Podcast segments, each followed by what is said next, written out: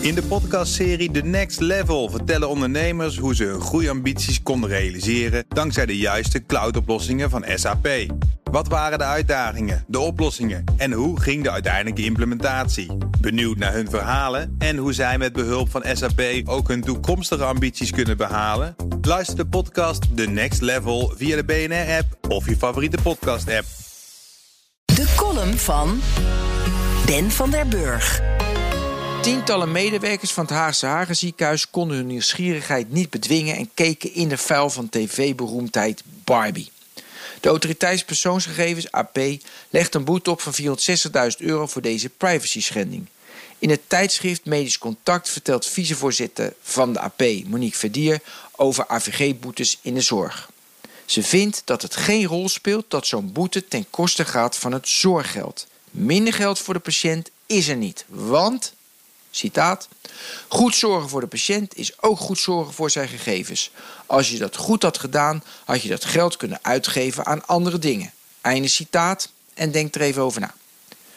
Een ziekenhuis dient zich te houden aan de AVG.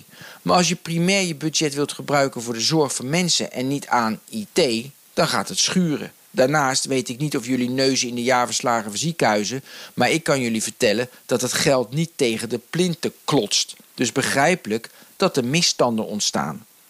Een ander voorbeeld deed zich deze week voor, in Enschede.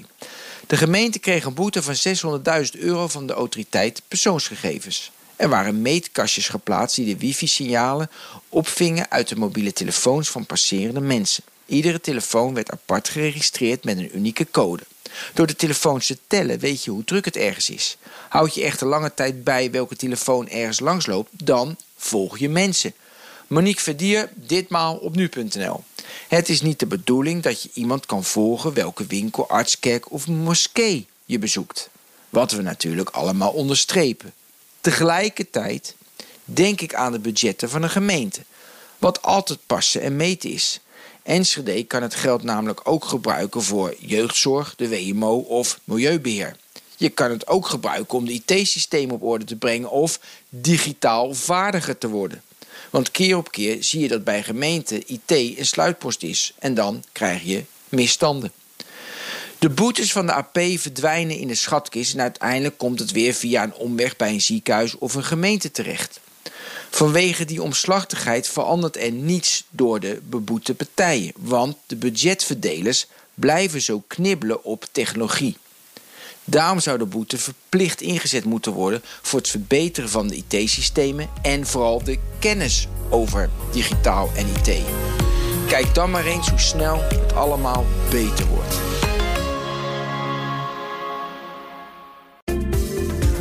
In de podcastserie The Next Level vertellen ondernemers hoe ze hun groeiambities konden realiseren dankzij de juiste cloudoplossingen van SAP.